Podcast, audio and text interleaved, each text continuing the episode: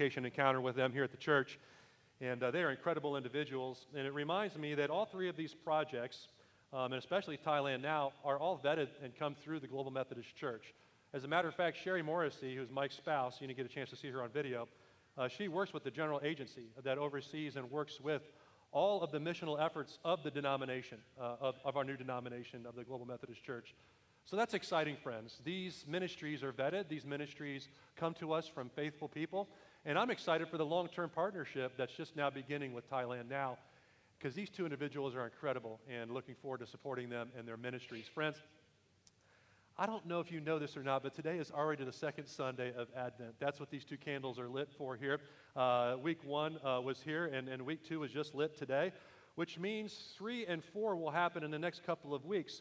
So on week three, which is December 17th, next week, it's going to be the day of our miracle offering. And we want to encourage you to continue to be prayerful about how you might spend less on Uncle Ned or, or Aunt Millie and and whether or not they need the fruitcake or the ugly sweater or that tie that, that they don't need, and decide to give to somebody that's really in need through issues of homelessness, human trafficking, malnutrition, um, and all, uh, in this case, focused on those that are most vulnerable, our young children around the world. Um, now, friends, um, our family continues each year to set aside a sum of money as we prayerfully discern that with God to give above and beyond our normal giving. Now, we've asked a lot this year, friends. We've done a lot of asking and I'm so proud of our church because you continue to come through time and time again. You know, this church just continues to work to outgive God. Now, we can never do that because you can't outgive God, but we sure have fun trying, don't we? And so I want to just say from the bottom of my heart, from our finance team, our leadership team, and also our missional initiatives team, that we are so excited to continue to see what this church can do to make a difference around the globe as you give beyond the walls to Advent Conspiracy. Now, some of you have been asking, because uh, some of you don't write checks anymore, some of you don't handle cash much anymore, uh, but yes, you can give online. You can go to our website, uh, rollingplainsgmc.com, and uh, you'll have uh, explicit instructions there that are very simple to follow about how you can give to Advent Conspiracy and also specifically to the project you have interest in. Now, now don't, don't, don't worry. If you've already given, it's no problem. We just like to kind of call it Miracle Offering Sunday. And if you're not prepared by next Sunday, that's okay because uh, we'll be taking up uh, continued gifts and donations to that on Sunday morning, the 24th. And then on Christmas Eve evening, that night, uh, whatever is given, we always give towards as another miracle offering towards all three projects in general for Advent Conspiracy. I'm already having conversations with families, even this week, where they're, they've, been, they've been blessed, and God wants to use them to bless back. And they're considering giving in significant ways towards these three projects. But you're not just giving to projects, you're giving to life.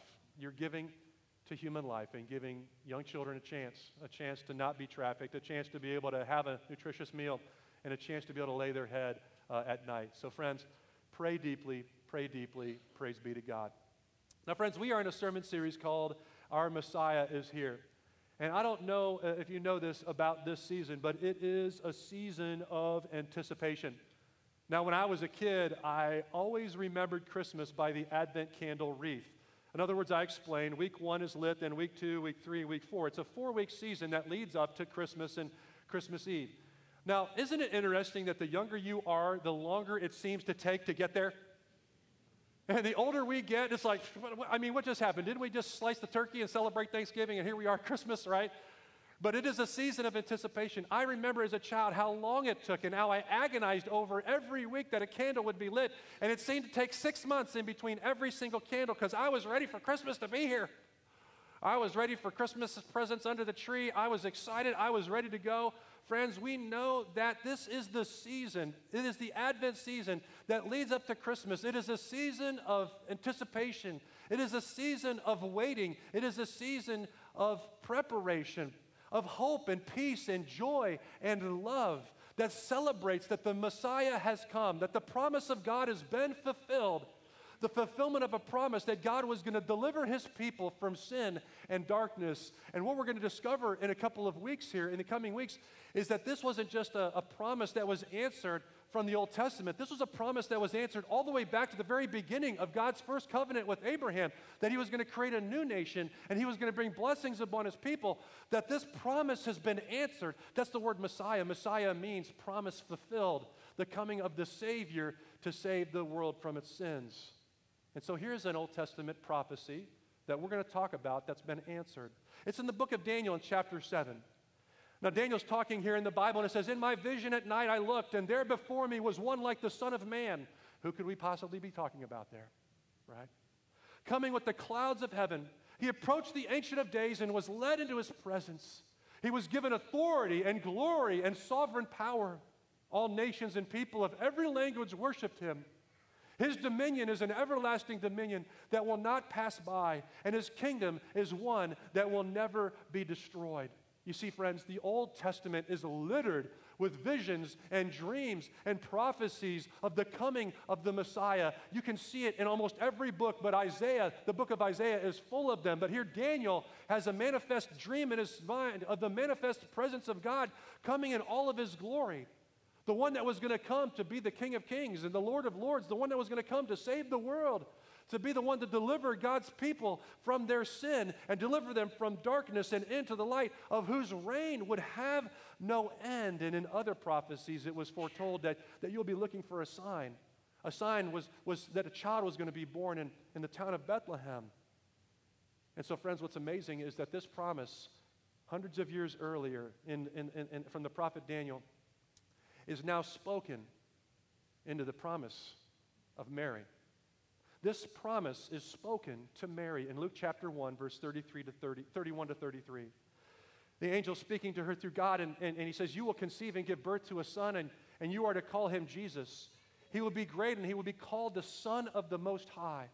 The Lord God will give him the throne of his father David. He will reign over Jacob's descendants forever. His kingdom will never end. Sounds a little familiar, doesn't it? Remember the end of Daniel? And his kingdom is one that will never be destroyed. And now, that promise being fulfilled, spoken to Mary, his kingdom, this Christ child, the one you will give birth to, his kingdom will never end. Can you imagine the level of anticipation of hope for this moment? Hundreds and hundreds of years, an entire nation waiting over a millennium, waiting to be saved. Wise men are coming from the east. They see the Star of David appear because they've been looking for it. They've been anticipating all of these years. They travel from great distance to come and see Jesus, the Messiah. And at the same time, King Herod is king over all of the land of Judea, and he's freaking out, and, and he's, he's told that this thing is going to happen.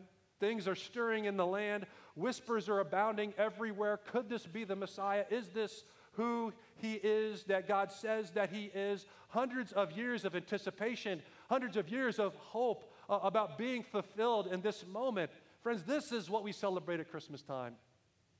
This is what we celebrate is anticipation and preparation.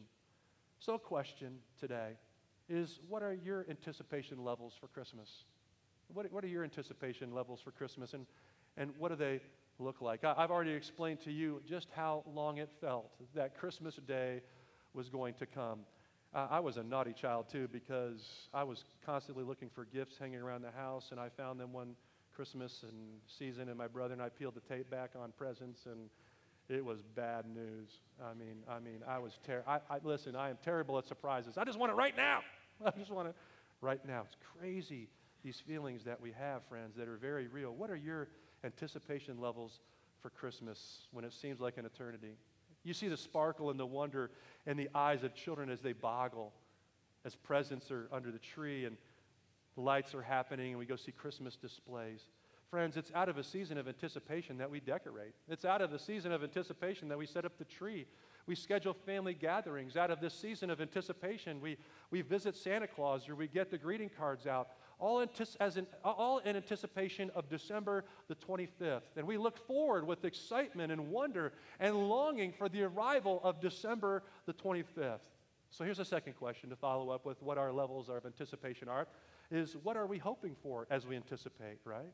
What are we hoping for in this season of anticipation? Are we looking forward to and anticipating the perfect family gathering? Because I'm here to tell you there's no such thing as the perfect family gathering. Last week I mentioned to you that I saw Christmas Story again for the one billionth time, and I'm just reminded that Cousin Eddie exists everywhere. And I'm not saying he's in your immediate family, but on down the line, everybody has a cousin Eddie. Now, I was told last week that if you don't know who that cousin Eddie is in your family, this someone else told me, it may just be you.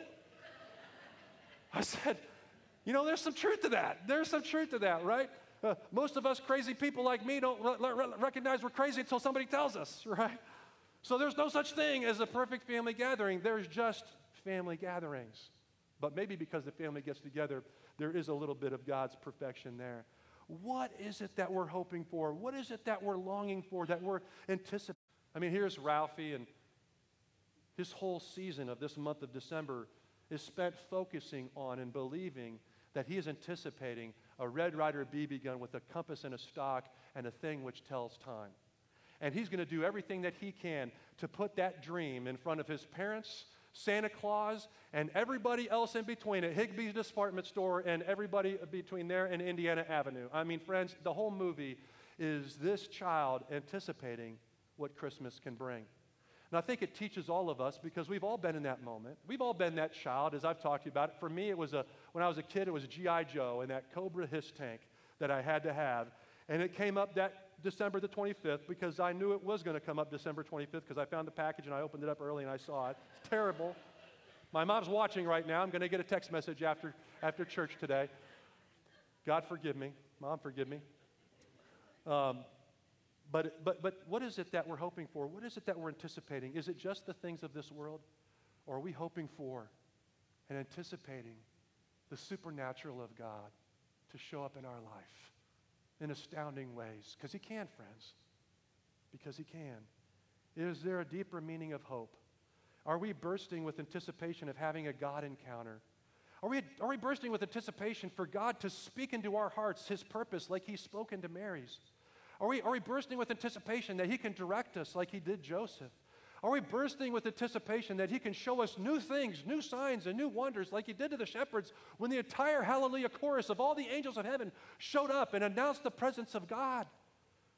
Are we brewing with anticipation that God can bring us a renewed joy or a supernatural peace in our life? Friends, all of this is possible because with our God, all things are possible. Are we anticipating are we looking out for the supernatural signs and wonders everywhere that we go? Are we looking for them in the shopping mall? Are we looking for them at Walmart? Are we looking for them as, as, as we, um, while we're baking cookies with family members? Are we looking for supernatural wonders and signs and miracles and hopeful of his anticipation while we're at school finishing up classes for this season, while we're on the road, anticipating of his 26th of 2022, right? Some of, some of you have been that excited about Christmas. You just can't wait. That's why we do Christmas in July, because as Americans, we can't stand going more than six months without celebrating Christmas, right? And so, so we have this season of anticipation that leads us to preparation. That we start preparing and making plans and getting the house ready and scheduling worship services, which, by the way, as, uh, as Stephanie reminded you, attend one on Sunday morning, probably 10 o'clock for you guys because you're here now and then attend one in the evening, probably for you guys because you have family and young ones and little ones and children. Come at 5 o'clock, or you can come to the 11. Two totally different worship experiences. Candlelight and communion will be at 5 and 11 that night, and stick around for dinner at 6 because, hey, listen, we've got the meal covered for you. Praise be to God. So, friends, we prepare because we anticipate. We start gathering ingredients, right, to make those perfect cookies. See, friends, when you anticipate, you prepare. And you better be prepared when you go to start baking because if you are unprepared and you forgot the Nestle morsels, you're going to have to do what? Send somebody back to the store because you were ill prepared. Now, don't send me because I'll come back with Nestle, Nestle morsels and half of the Little Debbie section. I'm here to tell you. That family doesn't send me to the store anymore because I come back with a little bit more than is necessary. But, friends, we get sent back to the store when we're baking or when we're cooking because we did not properly prepare because we anticipate handing out some Christmas cookies come Christmas Day, friends. And this is the season that we're in. Now, the great gift of Advent the hope of God's promise fulfilled in the Messiah is then to be prepared, to prepare our hearts for God's new thing, to be ready for the supernatural work and wonders of God, and to be reminded of our brokenness and our utter, and our utter need and desperate need for a Savior, and therefore to be grateful that He has come and fulfilled all of those promises and is our salvation. Now, as we celebrate in these weeks and this month of this old, old story when Christ the Messiah is born, could this be a time of anticipation? And could it be preparation to reinvigorate our souls? Could it reinvigorate uh, some embers in our, in, our, in, our, in our hearts and in our bellies to bring a fresh fire of the Holy Spirit into our minds? To the sparkle of joy in our hearts, signs of peace in our countenance, because the news is just so good as we're reminded of it once again this year. So, friends, may our anticipation of Christmas prepare the way for the supernatural. That's what happens. Our, prep, our anticipation of Christmas prepares the way for the supernatural, it prepares the way of the Lord inside of our hearts and many others. Now, here's another prophecy in the Old Testament in the book of Isaiah, chapter 40. A voice of one calling, In the wilderness, prepare the way for the Lord. Make straight in the deserts a highway for our God. Every valley shall be raised up, every mountain and hill be made low. The rough ground shall become level, the rugged places a, a plain, and the glory of the Lord be revealed. How is the glory of the Lord going to be revealed? In who?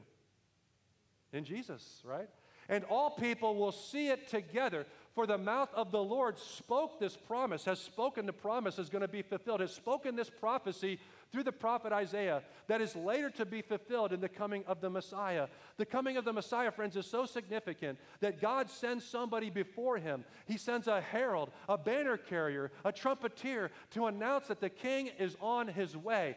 You ever watch movies of, of ancient days and medieval times and and, and, and you see a knight enter into the arena, or somebody's going to be doing some jousting, or the king appears, and, and what happens? Somebody comes in front of them, and they're on trumpets, and they blow the horn, and there's like a banner hanging there, or sometimes somebody's carrying a banner, right?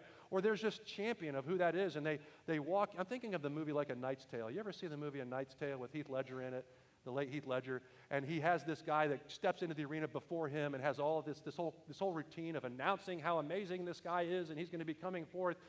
Friends, we, we understand what a herald is, right? We understand what a trumpeter or a banner carrier, or maybe call them a champion of whatever it is, friends.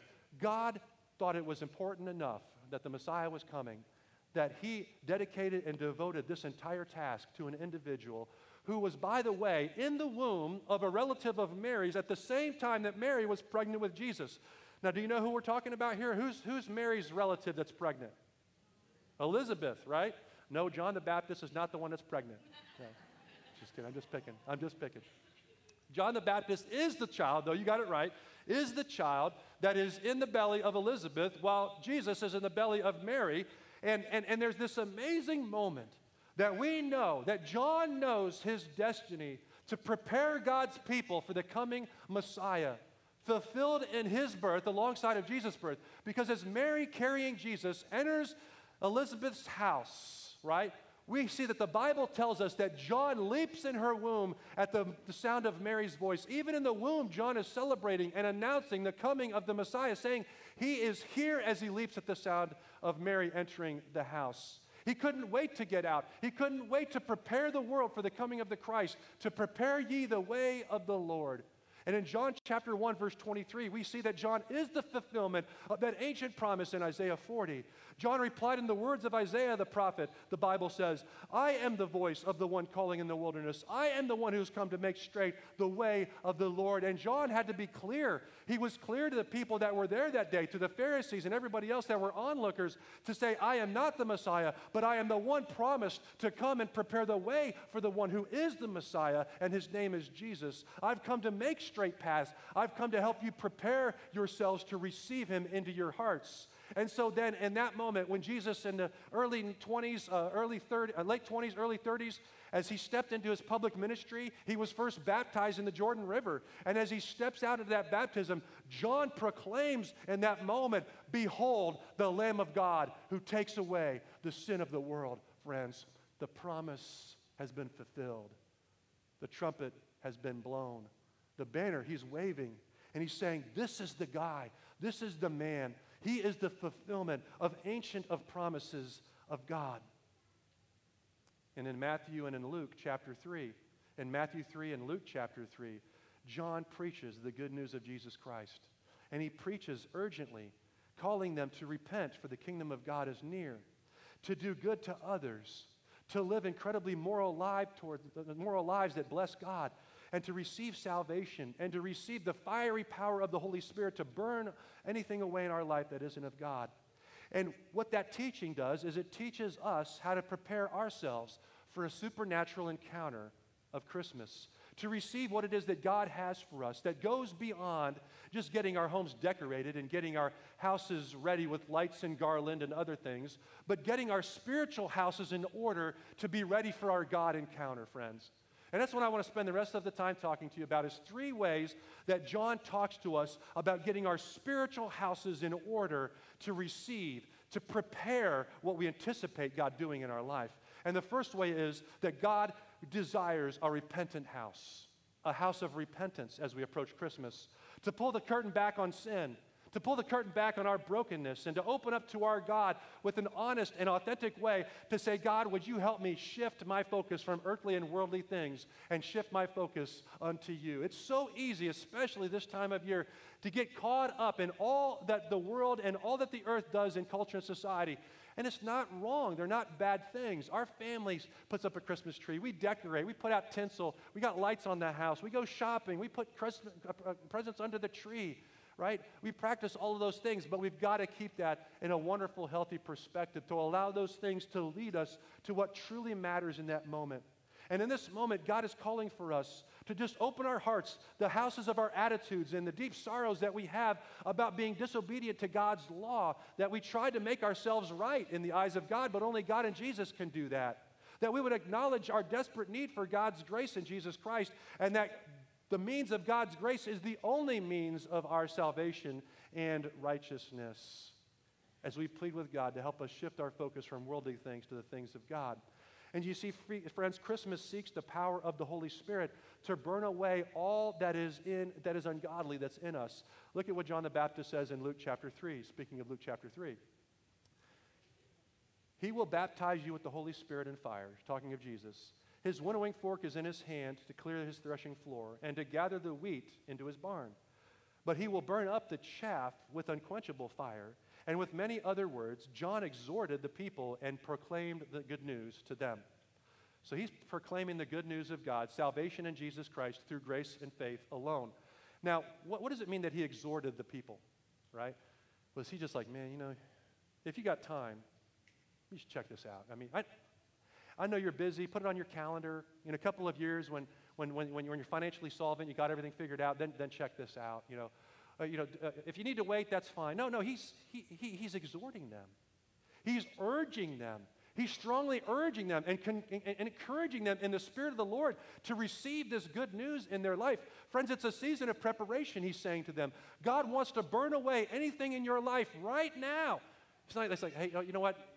That, that, sin. That's okay. Hold on to that for the next couple of years. Got to work it out. No, no. He wants to alleviate us uh, uh, of all the sin in our life right here and now, to, to burn away anything that does not honor God as we approach this newborn king, as we approach Christmas time. May we be holy as God is holy. That's God's desire in our life. And you see, the same seed of the Holy Spirit that conceived Christ in Mary's womb is the same seed of the Holy Spirit that's able to burn away the sinful desires in our life. And God is not satisfied leaving us with any kind of sin in our life. So as we approach Christmas, let's approach confessing. Let's approach repenting. Because God desires a repentant house. And as we approach Christmas and anticipate Christmas, let's have, have a house of goodwill as well. This is something else that John talked about to have a house of goodwill. Like John bursting in the womb, right? The news was so good that we got to go tell it on the mountain. That with our life, we are proclaiming the good news of God. With our life, we are living to bring peace on earth and we are living to bring goodwill toward men. As John the Baptist prepared the way and preached the good news, we too are going to urge others to receive the love and the grace and the truth of God in Jesus Christ. We're going to help them prepare the way in their own lives and in their own hearts and experience the reason for this Christmas season. So, friends, let me share with you that God calls all of us to be John the Baptist. He calls all of us to carry our banners for God. He calls all of us to be champions. He calls all of us to be trumpeters, to announce the presence of God. Everywhere that we go, to, to have the, the good news in our hearts, everywhere we go to, to share that good news with folk. I had a chance to spend some time with our family yesterday. We had a family outing. We spent two hours uh, over at South Zanesville Walmart, and we were ringing the bell for the Salvation Army. Now, someone at the early service uh, said to me, That's just so awesome. We totally forgot about that. We'd love to do that with our family. Friends, you can still call the Salvation Army. They're still looking for people to ring the bell. And there's any number of locations, whether you live on the north end or south end, the east side or the west side.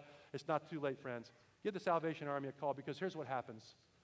You see, we show up, and, and traditionally we do this every year as a family. We always take our children to go with us, and it teaches.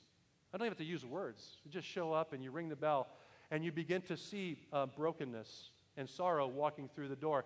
And, and, we, don't, we don't just ring the bell, we engage people. We talk and we share God's blessings. We wish them Merry Christmas. And, and you know what I love to watch is I love to watch people try to avoid us when they walk in the front door. I, I love that, right? Because, like at, at Walmart, there's always an exit and an entrance. Did you know that you could still go in the exit? I'm that kind of guy. If you tell me I can't do something, I'm going to prove you wrong. I'm going to do it, right?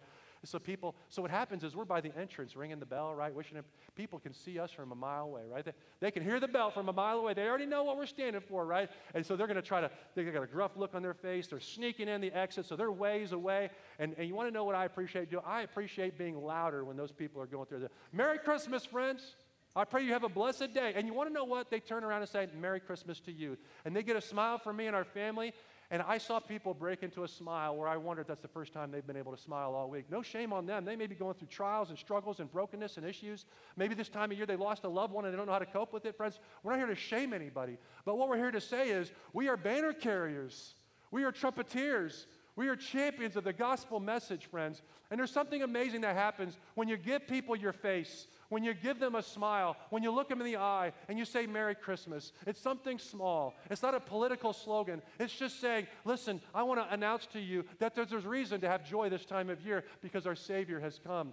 And so people would put money in the, in the, in the basket. By the way, if you want donations to go up, you bring your secret weapon, you bring your grandson on the scene.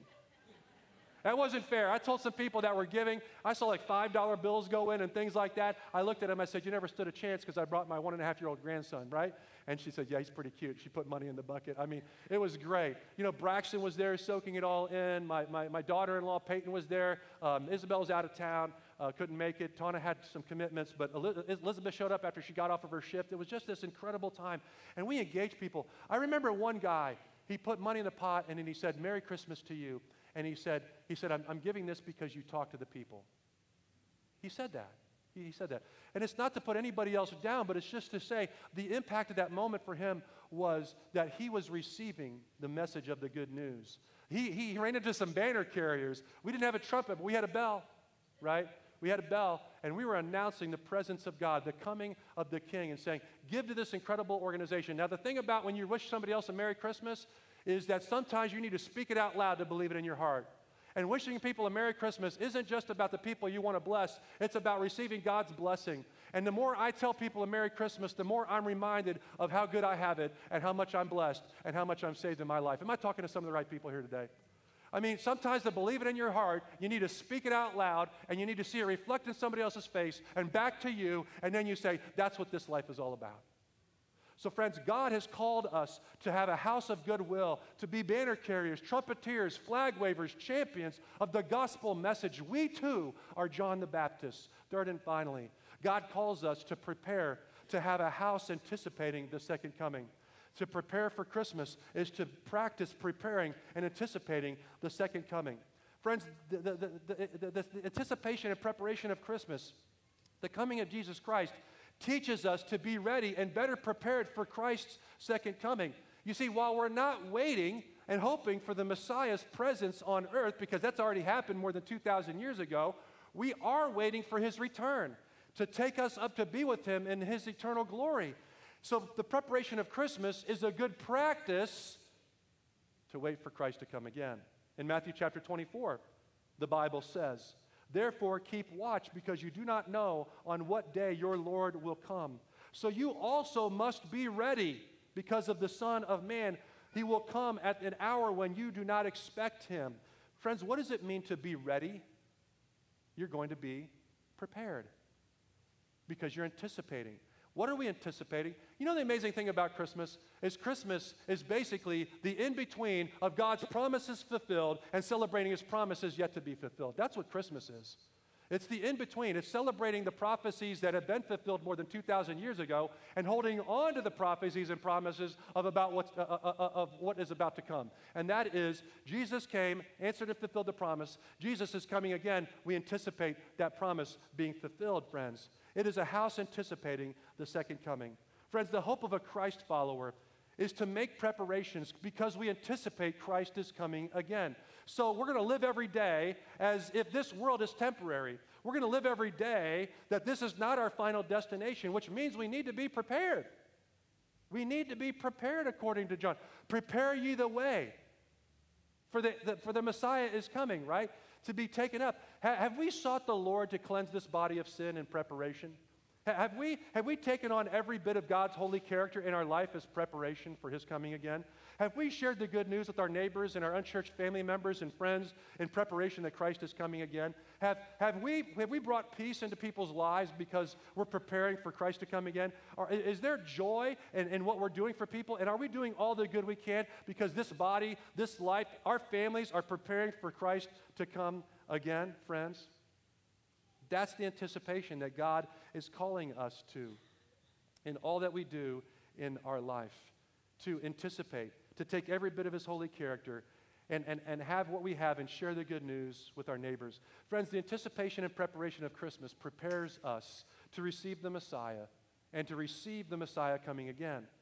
Our, our, our, hope and anticipation and preparation for the supernatural is what comes at Christmas time. For God to grow us, perhaps in the next few weeks, for God to make a supernatural leap in our life to take us to the next level of love and obedience in our relationship back towards Him as He brings a new work into us, becoming holy as He is holy. And perhaps in this moment, we too are called to be God's banner carriers, His flag wavers, His trumpeteers, His champions of the gospel message of Jesus Christ. Because, friends, all of us have the role and responsibility of John the Baptist that is, when Jesus is on the scene, we just jump for joy, whether we're still in the womb or not, just like he did. So, friends, let's land this plane and give you some action steps for this week. So, the first action step is just to ask an honest question What are we hoping for this Christmas? What is it that we're hoping for this Christmas? Because what we're hoping for is what we're going to anticipate. And what we anticipate is what we're going to pray for. And if you're hoping for anything short of a miracle encounter with God, you're selling yourself and your family short, friends. So, what is it that we're hoping for this Christmas so that we can anticipate and prepare for the supernatural? Number two, keep an eye out for divine activity. Friends, are your feelers up, right? Are your eyes open? Are, you, are your senses geared towards the fact that God is about to do something amazing at any given moment? You're thinking, well, geez, Pastor John, I mean, I don't know. What am I supposed to do? Look for God during the, the midnight shift? Yes, the shepherds did, right? I mean, you know, God, what am I supposed to do? I mean, look for the supernatural when one of my relatives walks into the house? Yes, that's what happened to Mary when Elizabeth walked in. Ordinary, everyday activities in life, and God shows up big time, right? What about for Herod, right? You mean, you mean just when visitors show up? You mean the supernatural is about to occur? Yeah, Herod didn't have a clue, right? Uh, God's followers, the wise men, showed up in that moment, right there in the normal part of his life, and, and he ushered them off to go and find the, Jesus so that he could kill Jesus and all of his followers. And he missed the divine moment, friends. What is it that we are looking for? Keep an eye out for divine activity. And third and finally, prepare your heart for the new work of God. Prepare your heart for the new work of God. Oh, yeah, and, and I'm sorry, a fourth one be John the Baptist, right? You may, not, uh, you may not have a trumpet in your hand, but you may be able to ring a bell for Jesus. You may not have the words, but how you live towards somebody might announce Jesus.